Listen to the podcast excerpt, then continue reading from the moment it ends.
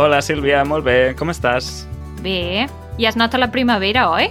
Sí, però a mi això del canvi d'hora, la veritat és que em desestructura mentalment, eh? Home, però ara molt millor, perquè a les tardes hi ha molt més sol, podem anar a passejar després d'haver anat a treballar i tot. Estic d'acord, el que passa que sort que tu ho portes millor que jo, això del canvi d'hora, perquè si no ens hauríem, no ens hauríem trobat a la mateixa hora. Sí, hi ha hagut un petit problema amb això del canvi d'hora, però solucionat. Molt bé, primer de tot volíem comentar que ja som a punt d'arribar a 30 membres a Patreon. Estic super contenta. Això què vol dir, Sílvia? Doncs això significa que ja estic preparant els exercicis pel pròxim vídeo. El- vídeo és el de ioga. Hem fet un vídeo sobre ioga i les parts del cos i en aquest vídeo segurament ja tindrà els exercicis disponibles per tots els nostres mecenes. Exacte, perquè ara mateix, avui 28 de març, que és el dia en què gravem, tenim 29 membres a Patreon i segurament quan es publiqui doncs, ja serem 30 o més. I doncs començarem a publicar exercicis a partir d'aleshores per a cada vídeo nou. Exacte. I com seran aquests exercicis? Doncs hem fet un format molt visual, molt bonic. El format l'ha fet el Joan amb l'ajuda de l'equip de Easy Italian, que els hi hem d'agrair que ens hagin passat el format que fan servir ells, l'hem modificat una mica i els exercicis seran molt variats. Hi haurà exercicis que seran de contestar les preguntes del vídeo, o sigui, hi haurà, per exemple, cinc preguntes de cinc moments concrets del vídeo que s'hauran de contestar, o hi haurà mots encreuats, hi haurà un exercici de vocabulari, i trobareu unes taules de vocabulari amb les paraules en català i les paraules en anglès al costat. Per tant, genial per tots aquells que esteu aprenent la llengua, Seran molt útils per als aprenents. segur. Bé, hem rebut alguns comentaris sobre l'últim episodi en què vam parlar de la vida al camp i la vida a la ciutat. Per exemple, hem rebut un missatge de correu electrònic d'una noia que, bé, és la meva germana, i que ens diu ara fa 11 anys que estic independitzada, amb parella i una filla eh, de 5 anys, sóc molt feliç que visc en un poble, als afores de la ciutat. Visc tranquil·la, però no apartada de tot. És un lloc tranquil, però social. Ho tinc tot a dos passes, l'escola, el supermercat, el centre d'atenció mèdica, el parc, el camp també, el bar i els amics. I a la nit només se sent algun grill o algun gat del carrer. També és una privilegiada, eh, la teva germana? Viu molt bé. Sí, Molt bé. sí, sí. Mm -hmm. I vaja, diu, la ciutat no m'agrada, hi ha massa cotxes i massa gent. Molt bé. Ens ha arribat també un comentari per Twitter, un noi que es diu Mitchell, i posa M'encanta el vostre podcast. M'ajuda moltíssim a aprendre la llengua i les vostres conversacions són molt divertides i interessants. Sempre estaré esperant el proper episodi. Una salutació des del Canadà. Uau! que bé, moltes gràcies, Mitchell, pel missatge. Ens fan molta il·lusió tots els missatges que ens envieu. La veritat és que eh, ens estan escoltant molt des de l'altra banda de l'Atlàntic. Ah, sí? Des, de, des Sí. del Canadà, sobretot? Des del Canadà, des dels Estats Units, però també des de Mèxic. Per exemple, vam rebre aquest missatge Hola Andreu, hola Sílvia, com esteu? Doncs només volia felicitar-vos perquè he estat escoltant el seu podcast de Easy Català en ràdio i la veritat és que m'ha agradat molt. Jo, jo em dic Anna, visc a Ciutat de Mèxic, porto uns anys estudiant el català i la veritat és una llengua que m'agrada moltíssim i, i sóc una apassionada de la cultura catalana també. I res, que us vagi molt bé i de debò que us felicito molt perquè heu fet una feina molt gran i, i jo crec que compartir tot això de, de la cultura, del menjar, de, de moltes coses que ens pot oferir la cultura catalana per mi és com un regal supergran. Una abraçada forta i molts petons macos. Adeu! L'Anna, des de Ciutat de Mèxic, ens ha escrit aquest missatge i ens ha fet molta il·lusió perquè és la primera persona que ens envia una nota de veu i que ens expliqui una mica la seva història. I l'hem convidat en aquest episodi per fer-la petar una estona amb nosaltres. Hola, Anna, bon dia. Hola, bon dia, com esteu? Com estàs, Anna? Molt bé, aquí és una mica, una mica d'hora, són les vuit i mitja del matí. T'hem fet maquinar. Una miqueta, però molt bé. En diumenge és una mica més difícil, però tot bé, tot bé. Escolta, Anna, tenim ganes de conèixer-te. A veure, presenta't una mica. Qui ets? On vius bé? Ja ho sabem, a Ciutat de Mèxic. A què et dediques? Estudies? Treballes? Soc una filla de la ciutat de Mèxic, visc al centre, gairebé al centre de la ciutat, bueno, centre-sud, eh, visc en un barri que es diu Narvarte, Uh -huh. tinc 30 anys i eh, la propera setmana faré 31. Ui. Oh, Llavors, felicitats! Moltes gràcies. Sí, sí, sí, jo 31. I, bueno, visc amb el meu marit, una gossa, un gat, i sóc professora ara mateix d'universitat. Uh -huh. Treballo a la Universitat Nacional Autònoma de Mèxic, la, la UNAM, Uh -huh. a la Facultat de Filosofia i també faig classes d'idiomes, principalment d'anglès i una mica de, de francès i català. Molt bé. Caram, molt bé. Aleshores, ets professora de filosofia? Eh, no, sóc professora de gestió cultural, Mhm. específicament d'una una assignatura que es diu Patrimoni Cultural i em dedico a tot això de la preservació, conservació i difusió de la cultura. Oh. Uau! Carai, molt bé. Doncs, a veure, al teu perfil d'Instagram tu et presentes així, diu Hi, I'm Ana Pajarito, I love eating tacos, drinking tea, speaking Catalan and playing son jarocho. Jarocho ho dic bé? Sí, sí, sí, Jarocho. Molt bé, doncs, abans d'entrar en la història del català, Mhm. explica'ns això del, del son jarocho, què és? Jo des de que tenia 5 anys, més o menys, els meus pares ens van ficar a nosaltres, a la meva germana i a mi, a una escola que és una escola superimportant aquí a Mèxic. És una escola que és única en Amèrica Llatina, que es dedica a la difusió de la música tradicional mexicana i es diu Olinjo Listli. I aquesta escola fa classes a nens de tots els gèneres, els gèneres que hi ha de, de música tradicional Uh -huh. i un d'ells és la música veracruzana, la música de, de l'estat de Veracruz. Es divideix en dues parts. Al nord s'hi toca la música uh, huasteca i a la part sud de l'estat s'hi toca la, el son jarocho. Llavors té les seves especifica, especificitats Sí? perquè té com uns instruments especials, els instruments són endèmics de la zona, eh, són molt diferents a altres instruments del món i, i té un, una sonoritat molt especial el son jarocho. Llavors, per nosaltres ha sigut un regal tota la, la infància aprendre aquestes cançons. I hem fet un grup de música tradicional i, i doncs, en, bueno, ara amb, amb la pandèmia no toquem, però portem ja més de 10 anys fent música d'aquest tipus. Però llavors, el grup que teniu de música, tu cantes o toques un instrument? toquem, cantem, um, ballem les cançons que fem i fem de tot una mica. Eh, I toquem diferents instruments. Molt bé. Sí, sí, sí, jo toco el mosquito jarocho, que és la filla petita de tota la família de les jaranes, que són els instruments amb què s'hi toca el, el son jarocho, i toco també la quijada de burro, que és un instrument una mica complex i, i estrany, perquè és una quijada de burro realment, i una mandíbula de burro, sí, de, de, de Sí, ruc. sí, sí. Uau, us podem veure en algun lloc, a, a YouTube o en algun, a través d'internet, us podem veure?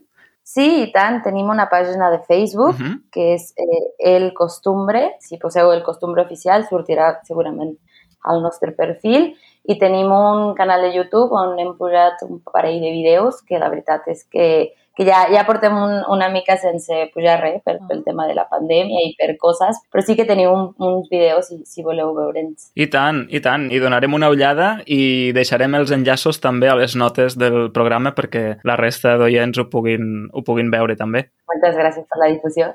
I Anna, què ho fa que parles català? Doncs jo crec que porto gairebé uns 8 anys que parlo català. Uh -huh. Vaig començar, no, jo crec que ja són 10, vaig començar el 2011, 2012 a parlar català, eh, a aprendre català realment. Eh, vaig començar amb l'interès des de que tenia jo crec que uns 15 anys, uns Uh -huh. uh, 14 anys, perquè principalment va sorgir l'idea perquè al meu pare li agradava molt el Serrat, bueno, li agrada encara el Serrat, i teníem uns discos aquests grans, com es diuen, d'acetat o... De vinil. De vinil, de vinil. I aquests discs, uh, hi ha un que es diu Pel meu amic, i a mi sempre m'havia intrigat aquest nom i, i vaig pensar que era un nom molt interessant, però no entenia què volia dir. I llavors vaig esbrinar una mica i vaig descobrir que era una, una llengua que es deia català. I d'ençà, de, de la veritat és que, que m'hi he ficat molt a la música, he començat a, a, a entendre una mica les cançons i quan vaig començar la universitat vam tenir la sort que a la meva universitat donaven classes de català i m'hi vaig inscriure. Llavors uh, vaig cursar la universitat al mateix temps que feia classes de català. És molt curiós perquè molts aprenents de català comencen per la música. Una noia que és membre de Patreon, d'Easy Catalan, la Briana, ella també ho explica, que va començar per la música o que, com a mínim, la música li ha servit moltíssim per aprendre la llengua. Carai, molt bé. Quina és l'universitat aquesta en què vas fer els cursos de català? És el CELE, que és el Centre de Llengües Estrangeres, que ara s'ha canviat a l'Escola de Lingüística, perquè l'han fet com una mica més, uh, més gran, i de la Universitat Nacional Autònoma de Mèxic, de la UNAM amb el professor Carles Bondia, que, que vull saludar-lo si m'escolta perquè ha sigut un super professor. Molt bé.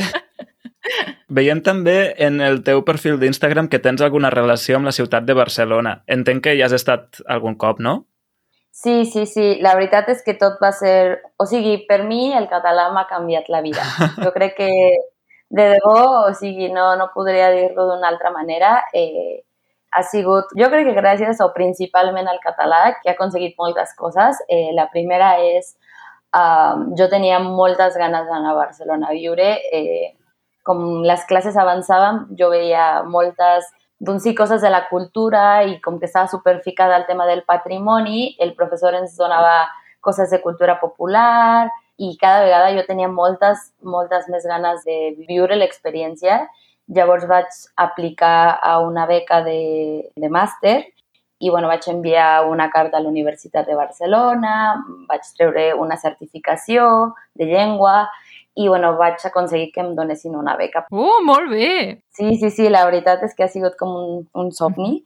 I justament a les classes del màster vaig conèixer un noi, ah. que és ara el meu marit, que es diu Xavi, i ell eh, sempre, sempre que parlem de la nostra història i com vam començar, eh, la veritat és que sempre diu que ell li va sorprendre molt eh, la primera classe que vam estar ahir al màster, que teníem unes classes en català, perquè a la UB moltes classes, o gairebé totes les classes són en català, que a mi uh -huh.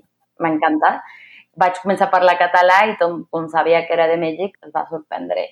Va ser molt emocionant i ell doncs, es va enamorar de mi. I sí, sí, sí, sí, va ser una mica perquè, perquè li va fer molta curiositat oh. aquesta idea de que jo parlés català sense haver viscut mai a, a Catalunya.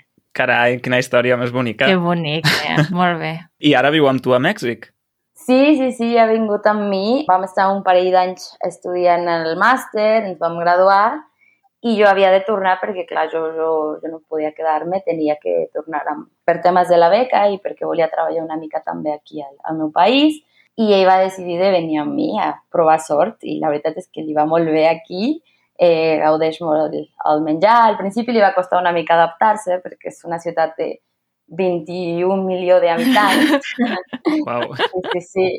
I, I doncs ell, a més, és un poble, és un poble no, no, no tan petit, però no, no és de Barcelona centre, és, és un poble que es diu Piera, la Noia. Ah, Piera, sí, sí. Sí, sí, i llavors va ser un canvi brutal per ell, però... Home, normal. Ja, ja portem més de, més de tres anys, ens vam casar i ara pues, molt, molt bé, molt bé.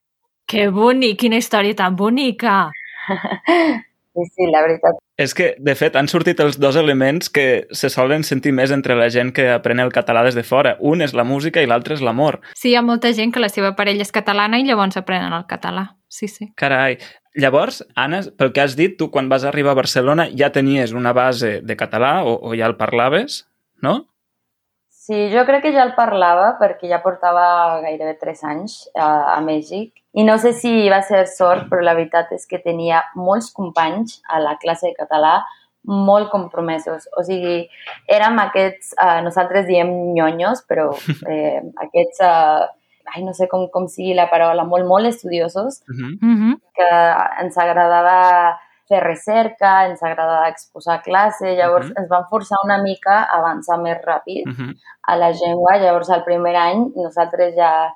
A més que teníem classe tots els dies, o sigui, tots els dies wow. teníem classe de 7 a 9 del matí uh -huh. i fèiem molta feina de casa també. Llavors, jo sentia que jo ja tenia un nivell gran, eh, avançat, uh -huh. a, a, a, de català, vaig treure'm el B2 quan vaig arribar a Barcelona, no, al Ramon Llull, a l'Institut Ramon Sí. Llull, Uh -huh. i jo vaig arribar ja amb un B2. Llavors, eh, jo crec que sí que ja parlava bé, entenia perfectament tot.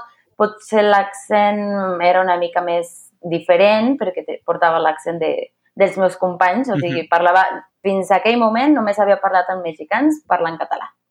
I el professor. O sigui, perdona, llavors els teus companys també, aquests eh, que éreu eh, aplicats, diguem, els, els companys Mhm. nyonyos, que dius tu, Sí. éreu tots mexicans i parlàveu en català entre vosaltres? Sí, sí, ens obligàvem a parlar en català entre, entre nosaltres perquè era una mica de, de raros perquè també és una llengua que no s'estudia gaire al, a l'Institut de Llengües, la, la majoria són d'anglès, de francès, italià, i llavors érem com uns set nois i noies que, que no teníem amb ningú més que parlar, llavors era com, bueno, entre nosaltres parlem en català tot el temps. Llavors sortíem a fer birres o qualsevol cosa i, i ens forçaven a parlar català, sí, sí, sí, però amb els nostres accents. Però és que això és un goig, eh? És molt fort. O sigui, no hi havia cap català no parlant nadiu entre vosaltres i vosaltres parlàveu en català. I tant. Uau. Sí, sí. I ens, ens emprenyaven si no dèiem bé les coses i llavors ens sentíem ahí corregint-nos entre nosaltres sense ser catalans ni haver estat a Catalunya, un parell, però la veritat és Que que fort, sí. que fort. Escolta, un aplaudiment. molt bé. Molt bé. Molt Uau, fantàstic. Uau. Tant de bo tothom que aprengués una llengua ho fes d'aquesta manera, eh? perquè segur, segur que veu aprendre molt, molt ràpid. Sí, sí, sí, veiem pel·lis, mol, molts recursos també que ens van ajudar a, a avançar. Hmm, ara parlarem d'aquests recursos. Abans, per això, et volia preguntar també si, a part de Barcelona, doncs, si coneixes altres territoris, altres zones o de, de parla catalana, si has estat en altres llocs, vaja. De parla catalana, sí, sí, sí. Bueno, jo, jo, jo em considero a mi i una de les coses que més m'agrada al món són els viatges. Els viatges m'han fet eh, créixer molt i sempre han sigut una part de la meva vida. De fet, eh, aquí a Mèxic s'acostumbra molt que quan fas 15 anys, no sé si vosaltres sabeu de les festes de 15 anys eh, mexicanes, però són aquestes festes supergrans que la família gasta moltíssims diners per fer unes festes amb tota la família i es fan Mm. aquests vestits super florits i colorats Mhm. i ai, no sé, és, Mhm. és, és, és, és una tradició que està molt, molt eh, enra, enrailada Arrelada. arrelada, exactament. I justament jo no volia aquesta festa. Jo, des del primer moment, jo li vaig dir als meus pares que els vaig dir que volia anar de viatge. Llavors va ser, tenia 14 anys i va ser la primera vegada que vaig sortir del país Uh -huh. I vaig anar a uns països europeus. Principalment vaig anar a França, a Bèlgica, a Anglaterra i a Itàlia. Uh -huh. I llavors vaig tornar amb unes ganes de tornar a Europa i tornar a conèixer altres països i des de que tenia 14 anys he tractat de fer un viatge almenys una vegada a l'any. I he, bueno, ho he, ho he man mantingut. Mhm. I uh, de parla catalana jo crec que he anat a Balears, a Mallorca, Uh -huh. he anat a País Valencià, a Andorra, a Perpinyà i, uh, bueno, vaig fer unes pràctiques als Pirineus, llavors vaig conèixer ahir una mica pobles de, dels Pirineus entre França i Catalunya, però sí, jo crec que aquests, aquests països. Uau, fantàstic. Que guai. Has estat gairebé tot arreu, eh? M'ha fet falta Cerdanya. Encara la tinc pendent. La pròxima vegada. Sí, la pròxima vegada, sí, sí. I, i com ho fas per, per practicar el català des de Mèxic? O sigui, només amb el teu xicot o també fas servir altres recursos? La veritat és que jo crec que ha hagut un canvi en el- l'aprenentatge del meu català i també la fluidesa que jo crec que ara tinc eh, des de que vaig tornar de, de Barcelona, perquè evidentment estar exposada a una comunitat catalanoparlant nativa, nadiva, Mhm. llavors m'ha fet aprendre noves paraules Uh -huh. i vaig avançar molt en el tema de- d'accentuació, de, de vocabulari i vaig fer molts amics. Això m'ha ajudat molt, que, que vaig fer molts amics al, al màster i, i altres eh, àmbits a, a Barcelona, amb la família del meu xicot també. Uh -huh. I llavors, quan vam tornar, jo ja portava una, una llengua com molt més, diguem-ne, eh, avançada, Però aquí em va començar a fer falta aquesta, aquesta pràctica. Llavors vam fer una regla amb el Xavi que a casa es parla català. Llavors, Molt bé.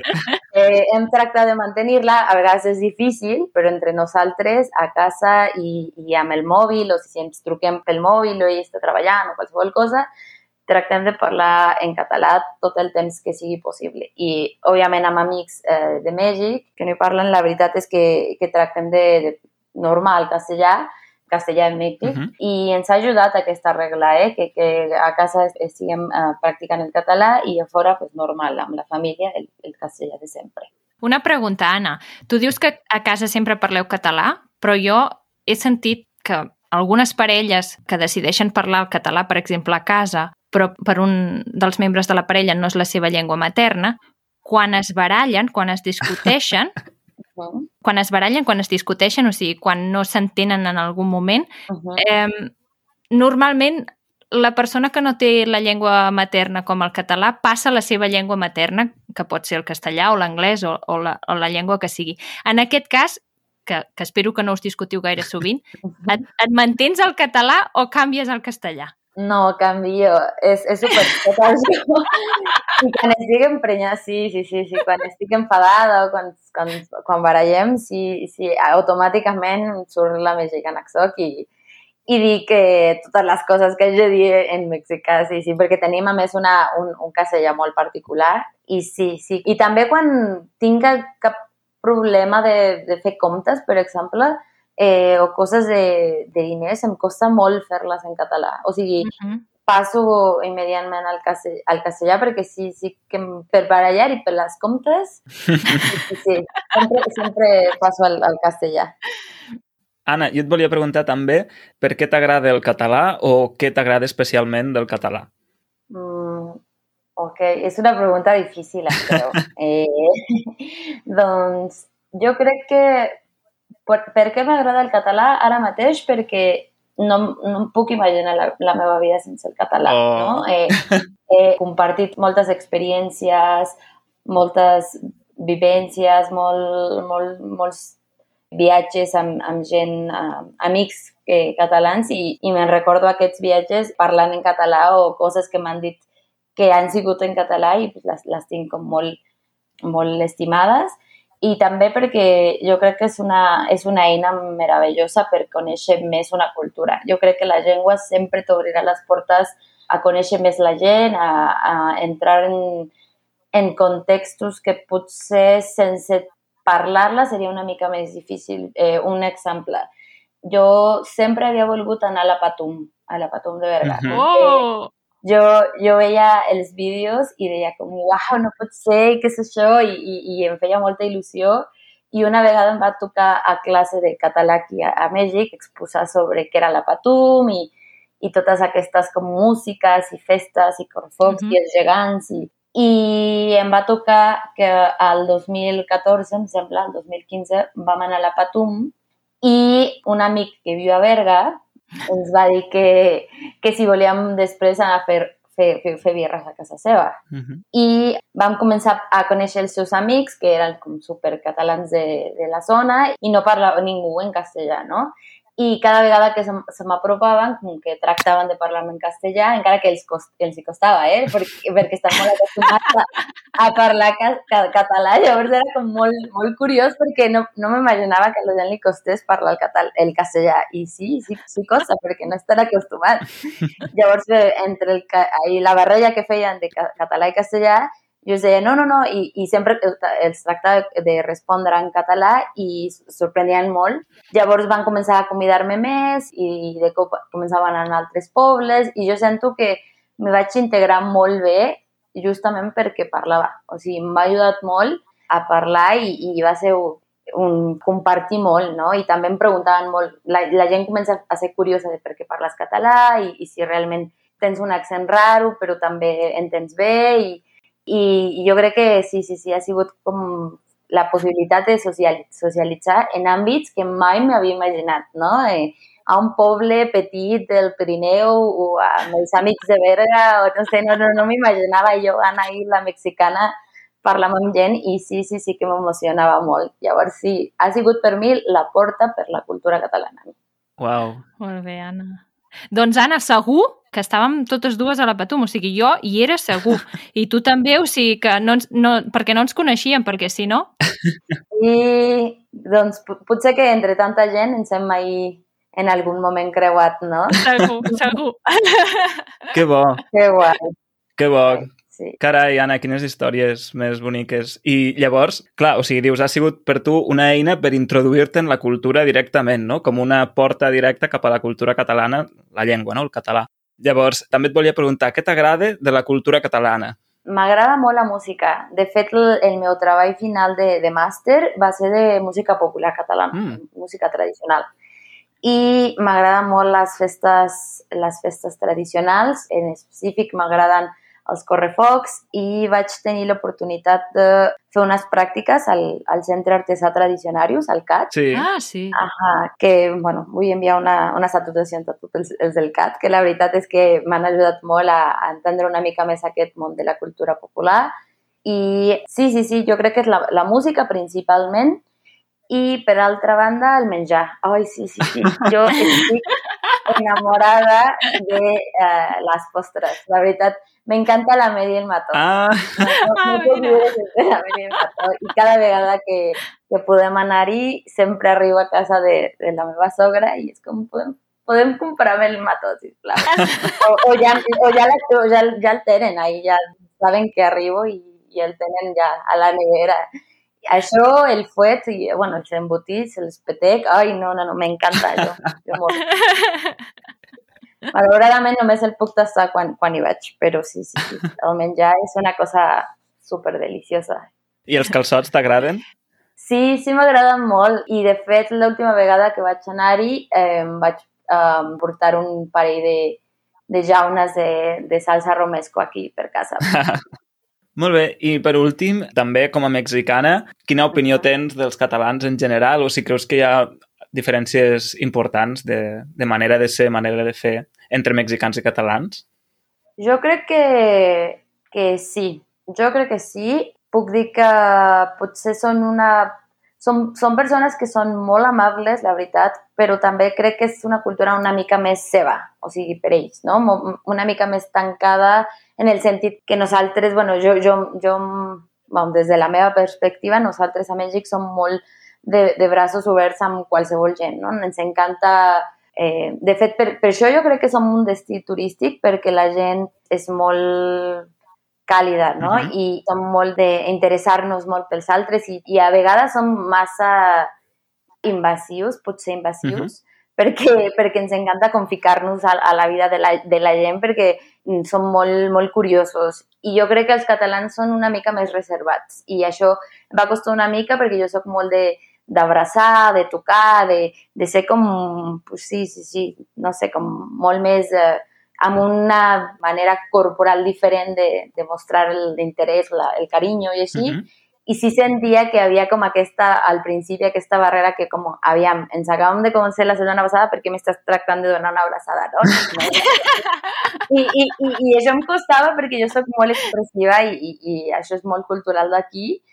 I a poc a poc me'n vaig adonar que una vegada que, que tanques aquesta com barrera de sí, sí ens coneixem, però comences tu a apropar-te a la gent, la gent es rep amb molt més com seguretat i de, de cop ja, ja estàs en una com, relació d'amistat o coneixes com gent i comences a fer com bona, o sigui, parlar, o xerrar guai, no? Però, però al principi jo crec que sí és una mica més difícil ahir trencar aquesta, aquesta barrera de, de la de que pues, no, no ens coneixem i també crec que si tu no t'interesses una mica per la cultura i comences a, a buscar aquestes coses en comú, costa una mica eh, entrar no? al, al, a l'àmbit i a la vida, eh, diguem-ne, catalana. Per, per, per mi ha sigut així, per això dic que la llengua m'ha ajudat molt, Mhm. perquè jo crec que no hauria tingut aquest, aquesta rebuda si no hagués sigut perquè he tractat jo de comunicar-me i de- i d'entrar de, una mica en en l'àmbit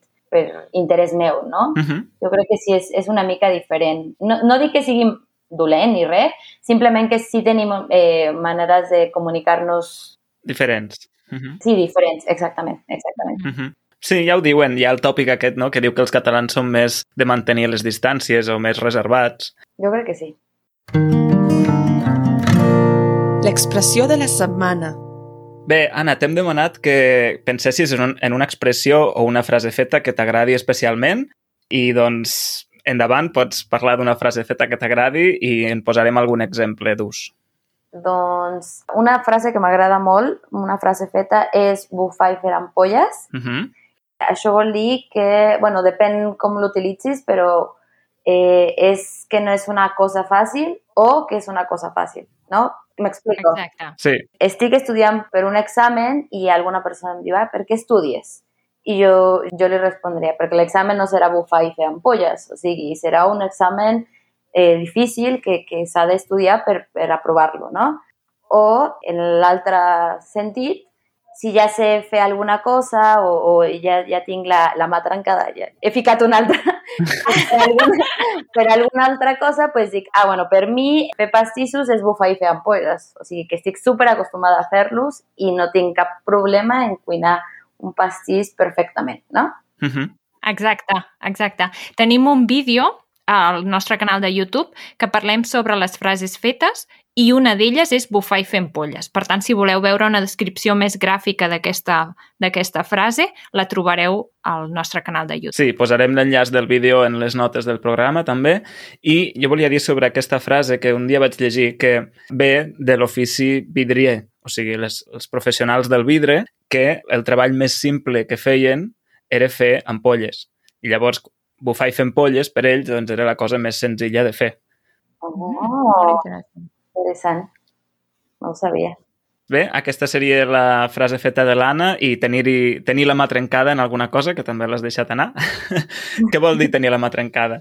És com tenir una super experiència en fer això, que ja eh, t'has fet un, un expert en una cosa, no? Uh -huh. Exacte. Sí, quan una cosa la saps fer molt bé i tens la mà trencada. I per tant, o sigui, allò per a tu és bufar i fer ampolles. Exacte.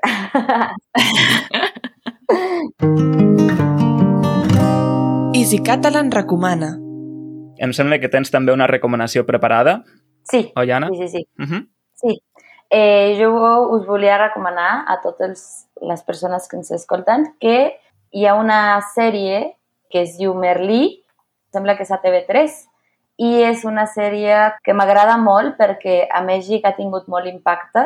De fet, els meus amics que no, no parlen català han començat a interessar-se pel català perquè per aquesta sèrie és una història d'un professor de filosofia que fa classes a, una, a un batxillerat Uh -huh. i eh, una mica jo crec que, que la, la gràcia i la- l'interès d'aquesta sèrie és que fica temes filosòfics i ètics amb una, man una manera de d'explicar-los molt divertida i amb una història que té a veure amb tots els personatges. Llavors, us recomano molt la sèrie de Merlí. Molt bé, jo l'he vista i també la recomano, o sigui, és una sèrie molt bona i vaja, que és que ha arribat a tot arreu, al final, com que està publicada a Netflix, si no m'equivoco, Sí? Ha arribat a, a tot el món. I fins i tot ara ja han fet la segona part. De debò?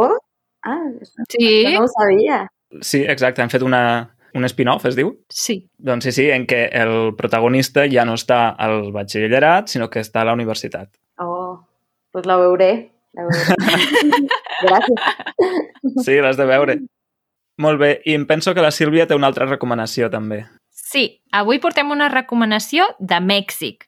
Hi ha un orfeó català a Mèxic que estan molt presents a Facebook, sobretot, i organitzen cicles de cinema, activitats, classes per aprendre català, fan concursos literaris, fan un munt de coses, un, pilot d'activitats pensades per a tothom que parli català, que vulgui aprendre català, que sigui de Mèxic, però ara, en temps de pandèmia, estan fent totes aquestes activitats online, per tant, s'hi pot apuntar qualsevol persona del món. I, a més a més, per no haver-hi complicacions amb el fus horari, quan fan una activitat online, posen totes les hores, posen l'hora que serà a Europa, Ah, l'hora que serà a diferents països, no tots, però uns quants. Per tant, si entreu a Orfeo Català de Mèxic, tant al seu web com al Facebook, us assabentareu de totes les activitats i podreu participar-hi. Això dels fusos horaris, de la informació horària, està molt bé per a persones com jo, que sempre ens fem un embolic. Hi ha molta, hi ha molta gent. Fantàstic, Sílvia. Doncs posarem aquesta informació també a les notes del programa perquè hi pugueu donar una ullada. I amb això acabarem l'episodi d'avui. Moltes gràcies, Anna. Ens ha encantat sentir la teva història amb el català. La veritat és que és preciosa la teva, la teva experiència que has tingut amb la llengua, com t'ha servit la llengua per introduir-te en la cultura catalana i conèixer gent i visitar el país i, i tot això. La veritat és que moltes gràcies per compartir la teva història amb nosaltres. Moltes gràcies, Anna. Moltes gràcies de veritat, ha sigut, ha sigut molt bonic tenir-te aquí i poder sentir la teva història. Sí. Ah, moltes gràcies per, el, per l'espai, l'oportunitat i per la feina que feu, que la veritat és que ens inspira a tots a seguir en aquesta idea d'aprendre català.